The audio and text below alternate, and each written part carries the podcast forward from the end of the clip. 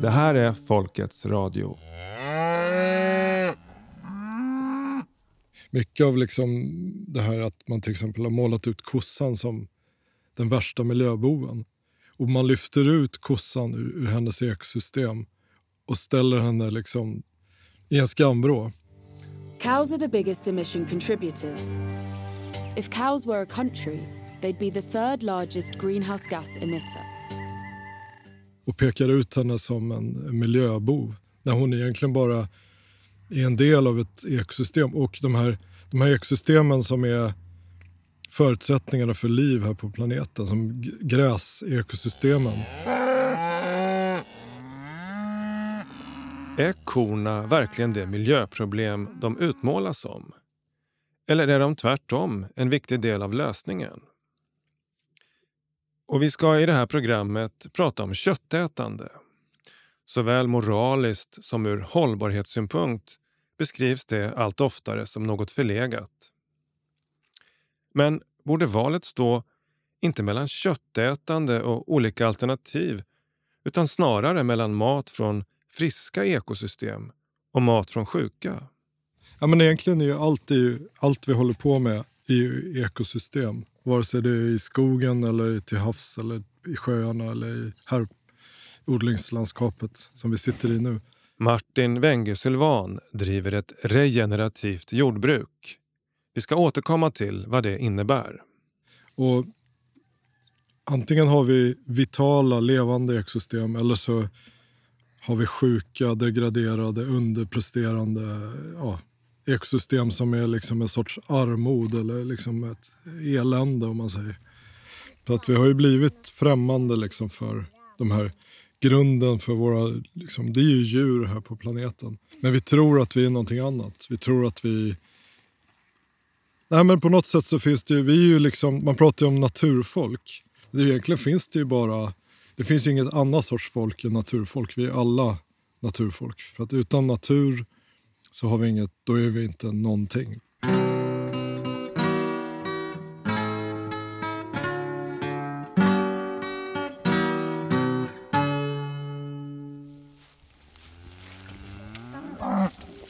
När vi håller på här på gården så tänker vi mycket på ett ekosystem som fanns kanske för 10-30 000 år sedan. Och det täckte ju ett landområde som var, ja, jag vet inte om det är en fjärdedel eller en femtedel av jordens totala landareal. Och det är mammutsteppen. Det är det område där det fanns mammutar. Håriga elefanter.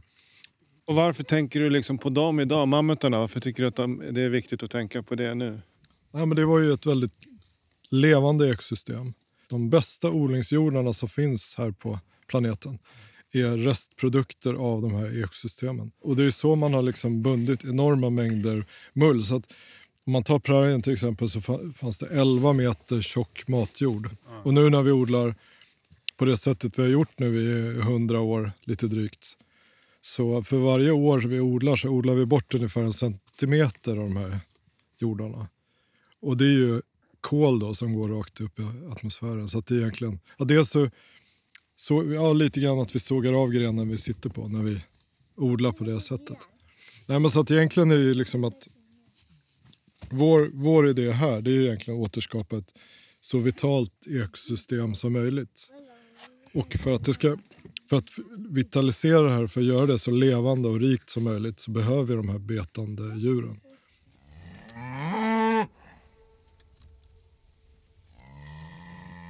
Så nu står de och tittar här på Martin som håller på att göra en ny hage. Och det där var Freja som ropar nu då, snart då. Flocken trampar otåligt. Snart ska de få komma till en ny hage och nytt färskt gräs. Så de ropar ofta. Sen har vi lite olika storlekar. Det är ju några kalvar och några stutar och några kviger och kor här. Vi befinner oss på betesmarker i Sörmland. Martin Wenge Sylvan och hustrun Annika Wenge genomför den dagliga koflytten. Så nu ska de få komma in här och sen ska de få gå här till imorgon och sen imorgon så kommer vi släppa över dem över stora vägen där borta.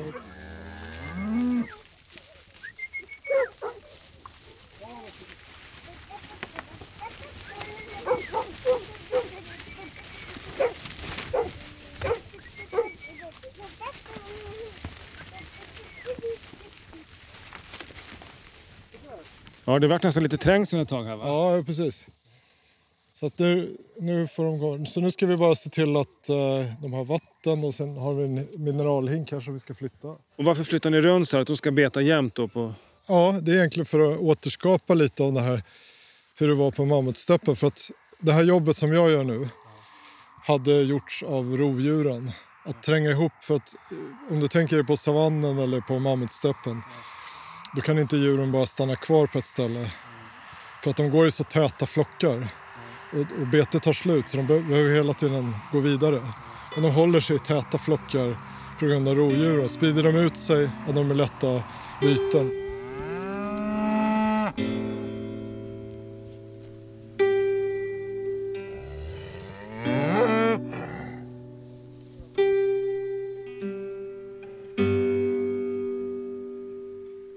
Ja, jag är ju utbildad, jag läste ju på Ultuna till agronom. Och eh, mycket av det jag har lärt mig, liksom mina, ja, det är mest att jag känner nu att jag behöver försöka avlära mig. Och det är mycket sådana här reflexmässiga grejer. Jag ser en tistel och då tycker jag att den, den ska bort. Men nu successivt så börjar liksom det här på något sätt... Det är väl olika poletter som ska trilla ner. Så att jag, nu när jag ser en tistel så tänker jag liksom på vilka fantastiska fjärilar som behöver den här tisteln.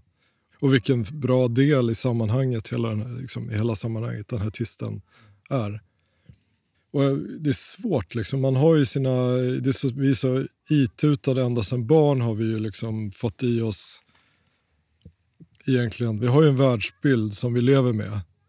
Och eh, jag tror att vi som håller på med det här behöver hjälpa varandra med också att eh, öppna varandras ögon och liksom hjälpas åt att förstå saker på ett nytt sätt. Kan du säga någon sån här grundläggande feltänk som, som finns inbyggt i det du har fått lära dig tidigare som du, som du känner nu idag att du ser väldigt tydligt? Ja, en grej till exempel det är det här att jag har kommit på att djur kan vara ute året runt. Och eh, i början så eh, var jag helt inne på att jag skulle bygga en ny lagård här på gården. För att få mer effektiv djurhållning och sådär. Kunna ha fler djur och så. Och så det tog det ett bra tag innan poletten trillade ner att djur faktiskt, kossor då, kan gå ute på vintern. Så nu har vi gått med i, det finns ett, eh, det är väl 60-tal gårdar i Sverige som är med i det här programmet som vi också är med i. Så det, och det har varit jättebra. Så det är en sån här självklar grej egentligen som det tog tag innan liksom poletten trillade ner. Mm.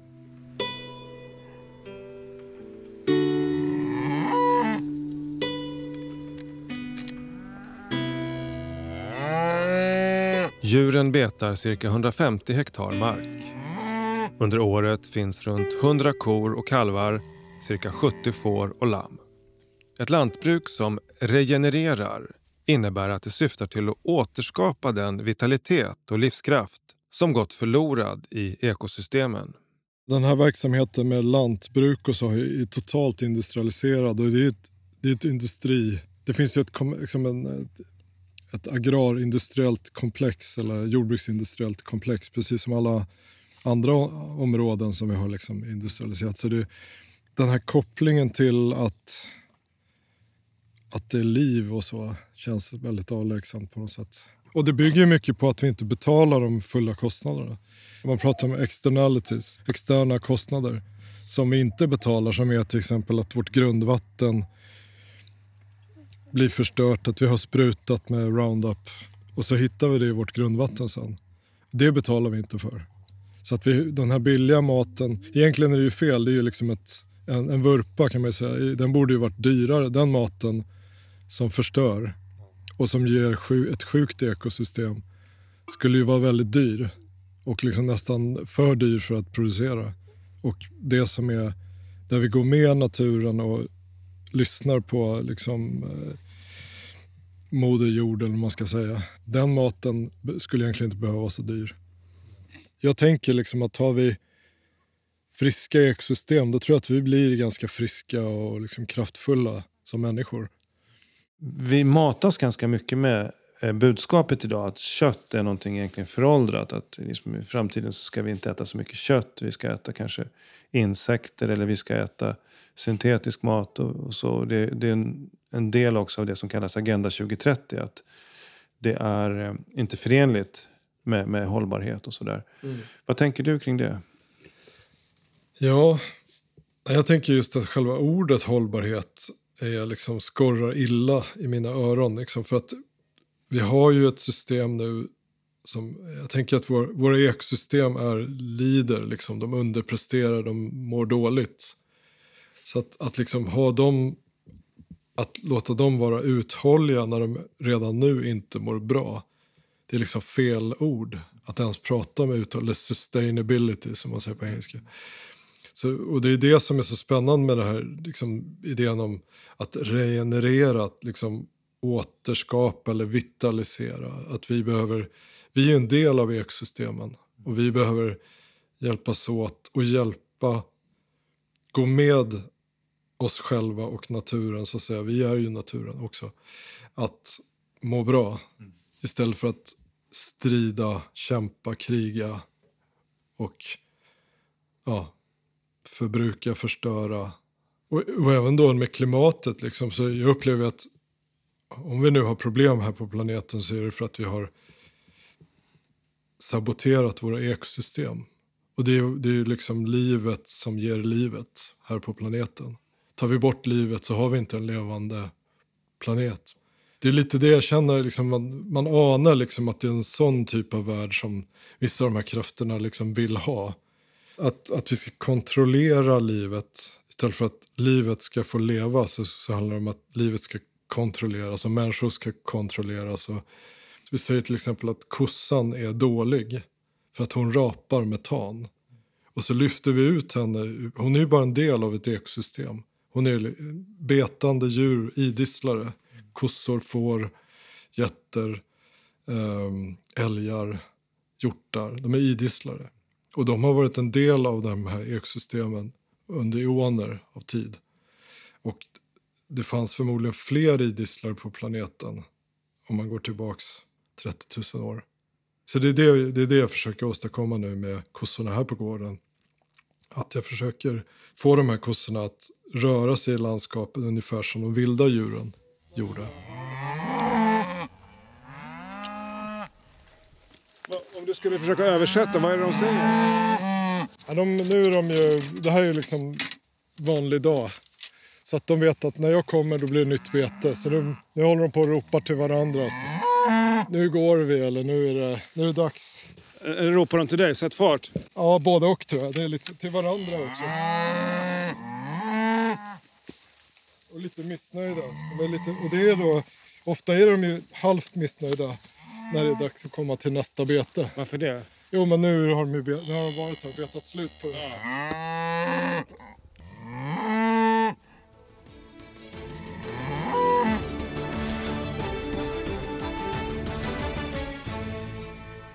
One crucial part is agriculture, and one thing you said you were particularly surprised by was how great a problem bovine flatulence is. Do you exactly. want to explain what that is and why it's a problem? Yeah, so the... Oligarken och filantropen Bill Gates intervjuade i CNN.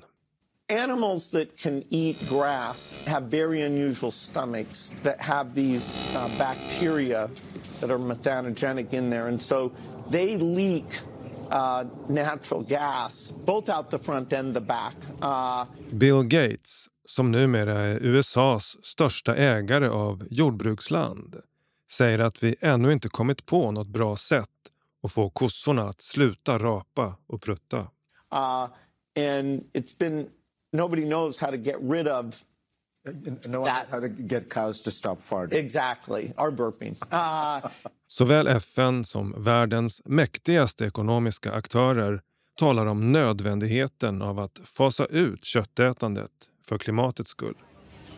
A major study has put the diet to the test analysing an imagined scenario in which the world goes vegan by 2050. If everybody went vegan by 2050, we estimated that the food-related greenhouse gas emissions could be reduced by three quarters. I ett reportage av The Economist får vi veta att en omställning till veganism under de kommande decennierna skulle minska de matrelaterade utsläppen av växthusgaser med tre fjärdedelar. Jaap Korteweg comes from a long line of farmers in the Netherlands. My goal is to be the biggest butcher in the world. We do it for meat lovers, but if you don't like meat, don't buy our products. But he's now a butcher with a difference. I'm the vegetarian butcher. Och de intervjuar en holländsk köttbonde som numera har ställt om till så kallat växtbaserat kött och tjänar storkovan på det. Jaap made the switch to plant-based meat 11 years ago. He now ships to 17 countries with annual sales of 20 million euros. So the only way to change it is to develop products with the same experience without an animal. We can produce beef with the right texture of, of real beef. The only difference is there is no blood on the floor. Om vi tittar ut i våra ekosystem så finns det liksom inga, finns inga vegan-ekosystem. Ekosystemen bygger på att, på att livet består av djur som äter djur. Det finns så många olika aspekter på det hela men, men eh, om man ska liksom prata om vad som är naturligt så känns det onaturligt. Alltså det är nästan mot livet på något sätt att inte äta kött. Um, för jag tänker att uh, det är som ett konstgjort liksom, system. Konstgjort ekosystem. Många som lyssnar på det här kanske har valt bort köttet för man tänker det, jag, jag, vill, jag vet inte hur de här djuren har haft det. Jag vill inte liksom bidra till plåga och sådär. Mm. Och det är väl en naturlig instinkt? Liksom. Ja, det förstår jag. Det är absolut. Jag, till exempel kyckling. Jag, vi, åt, vi åt ingen kyckling alls. Uh, ända tills våra vänner här borta som har en gård här en bit bort började föda upp kyckling som går på gräs och betar gräs hela sommaren. Eh, och det är ju något helt annat. Liksom. Och det är ju, de, de får picka och de får springa ute och sådär. Så att det, liksom, det går inte att jämföra med de här broilerkycklingarna. Mm. Så att det är... Ja. Nej, men jag tror det, det är också det att om vi det har att göra med hur vi mår, både mentalt och fysiskt. Liksom att vi, jag tror inte vi mår bra av att äta produkter, vare sig det är vegetabilier eller animalier, från sjuka ekosystem. Vi behöver ha först och främst friska. Sen vad vi äter spelar inte, det har nästan underordnad betydelse. Men det viktigaste är liksom att vi har friska ekosystem. Så att för att annars blir vi sjuka, för vi är ju en del. Vi är ju liksom lika mycket en del som gräshoppor och spindlar och fiskar och tussilag och, och... Om vi äter mat från gigantiska monokulturer, ja det påverkar oss på ett negativt sätt? Jag, jag, tror det. Sen är det svårt att sätta fingret på hur det påverkar oss. Jag tror att det är dåligt för oss. Jag tror att vi mår... Jag, jag vet inte om man tittar på hur, hur vi har det, både mentalt och fysiskt, liksom, så mår vi inte så bra. Den moderna människan mår inte så bra. Och man kan ju misstänka, liksom, dels kan man ju misstänka miljögifter och stress och liksom miljöfaktorer på det sättet. Men jag tror att en del av anledningen till att vi mår dåligt kan vara att vi att vi har, äter mycket mat som är tom. Liksom. Den, inte, den, den är, eftersom det kommer från... Produkterna kommer ur ekosystem som är underpresterande eller sjuka. Nej, Det är vår vallhund som tjuvvallar lite. Kom, kom. kom. Jag åt inte kött på många år. För att jag kände att jag inte kunde... Eh, om jag inte kunde slakta och, och, eller jaga själv då, då, då, tyckte jag inte att jag hade rätt att äta heller. Och jag tyckte att det var... Eh, ja, jag, jag, kunde inte förmå mig helt enkelt. Men eh, nu tycker jag att det är... Eh, det är ju... En del av livet är att dö. Och om man får leva i tillsammans med dem man gillar i relativ frihet som gäller för både människor och djur. Och sen dör man. utan att ha blivit inträngd i något djurfabrik eller lägenhetskomplex eller vad man nu inte vill leva i. Jag menar inte att lägenhetskomplex behöver vara ångest men att man får välja lite. Det kan ju inte djuren göra. Men vi ger ju så som vi uppfattar att de har det bra. De vill hänga med varann. Och de vill äta, sova och kunna freda sig från... från ja. Och då, jag tycker att det är... Om någon åt upp mig nu så skulle jag säga varsågoda. Jag fick vara fri och jag fick ha det bra.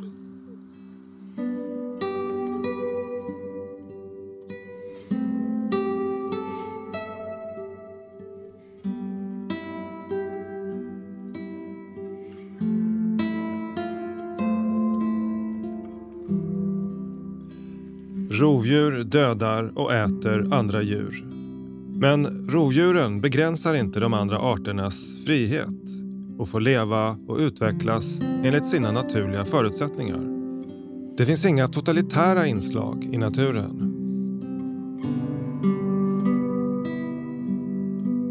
Nej, det är det. Det är ju, det är ju själva livet. För döden är ju en kort stund och sen är det över. Så blir det något annat och så.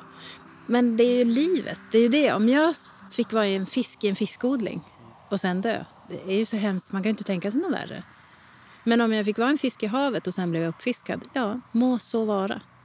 Och så vitt som vi kan bedöma, man kan ju aldrig veta vad som rör sig i någon annan varelses inre. Så vitt jag kan bedöma, jag studerar de här korna varje dag, jag tittar på dem och undrar hur har de det. Och ibland är de olyckliga, ibland är de lyckliga. Så vitt jag kan gissa. Jag kan projicera hej vilt förstås, men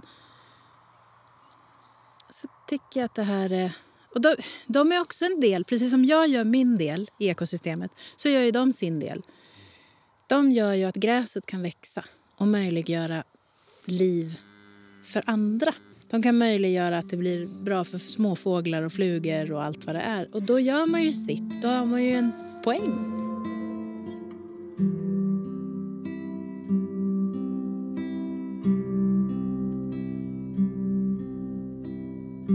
Det är egentligen dilemmat i hela vår civilisation eller vår västerländska värld. Liksom det är hur vi, hur vi förhåller oss och hur vi samspelar med det andra livet här på planeten. Det, allt annat som lever. Och eh, Jag tror att vi behöver göra liksom mer grundläggande omställningar i det, jag tror inte att det, att det är tekniska lösningar eller liksom att vi kan byta ut vissa livsmedel eller att det skulle handla om att vi eh, börjar äta vegetariskt eller äta insekter eller att det är någon sån lösning som skulle hjälpa oss. Utan jag tror att vi behöver ta tag i det här själva, vi människor behöver ta tag i det här själva. Jag tror inte vi kan få lösningarna uppifrån. Jag tror att vi behöver ta, axla ett ansvar liksom, för li, livsförutsättningarna egentligen. Och det är det, det tror jag inte, det är inget nytt egentligen utan så har det varit, jag tror människor förr förstod de här sakerna bättre på ett sätt. Liksom, om man tittar på eh, både hur indianerna i Nordamerika och aborigines i Australien och sådär, de, de var ju, formade ju sitt landskap de var medvetna om liksom, att människan formar landskapet. Och det gör ju vi nu också. Vi formar det i ännu större utsträckning. Men det är som att vi har missförstått på något plan eller liksom tappat, och tappat respekten för det levande. Så att vi tänker att vi ska kunna forma en värld där vi kontrollerar, manipulerar och egentligen dominerar det levande. Så jag tror vi behöver komma bort från det. Det är väl det som är liksom egentligen utmaningen. Inte så mycket det här med att köpa och sälja koldioxidutsläppsrätter eller det, det, är ett, det tror jag är, vad ska man kalla det, ett stickspår. Bill Gates believes the wealthiest countries should switch to eating 100% synthetic beef in order to help combat climate change. Another thing is that uh, cows and other grass eating species uh, have a digestion system that emits methane. And methane is a very powerful greenhouse gas. And so we need to change Cows? uh, cows, just cows alone. Uh, How are we going to do that? well, Och det är väl också att vi behöver komma till insikt, ett, eller om man nu vill kalla det uppvaknande, i hur fast i våra system. Vi, har, vi är så präglade i den här världen där vi lever. Och vi har skapat system som egentligen lever sitt eget liv.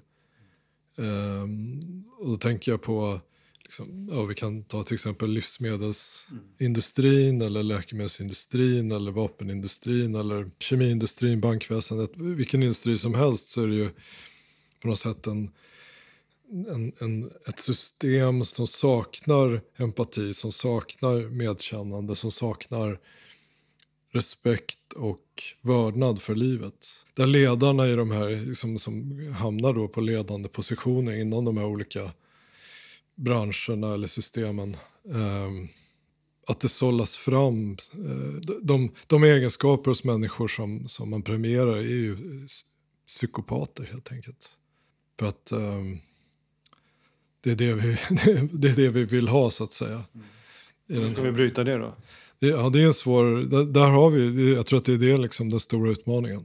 Och då, handlar det, då, då, då tror jag att det handlar om en form av uppvaknande. För vi behöver ju förstå vad... För att vi ska kunna göra någonting åt den verkliga orsaken till våra problem så behöver vi förstå grunden. Och för att förstå grunden så behöver vi nog förstå hur fel ute vi är och hur lurade egentligen vi är.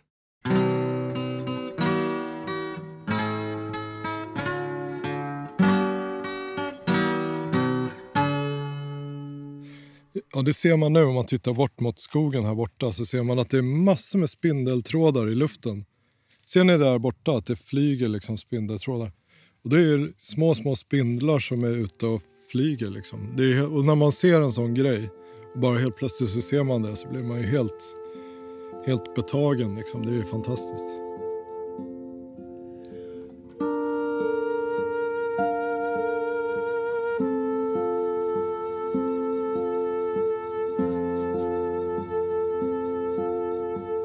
Kan ju inte se det med blotta ögat men de här fruktkropparna, det, det vi på svenska kallar svamp. Det är ju svampens fruktkropp. Det är bara en liten del. Det är liksom som, ja det är inte ens toppen på ett isberg som vi ser. Men eh, jag, let, jag tittar efter svamp och så fort jag ser svamp så blir jag jätteglad för det är ett, ett tecken på att, att det är på väg åt rätt håll.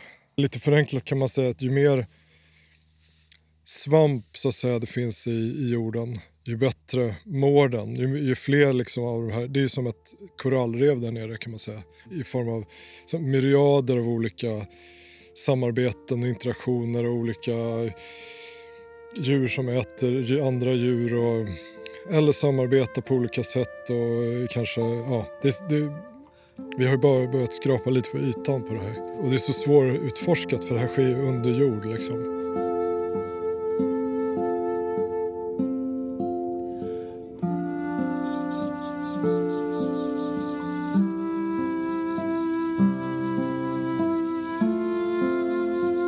Fin liknelse, ett korallrev. Ja, ja men det är det verkligen. Och, och någonstans i... Ja. Nej, men det är ju på något sätt... Eh, själva grunden är, är liksom... Eh, för, för oss är vår jord. Och då tänker jag jorden vi står på så att säga. Ja.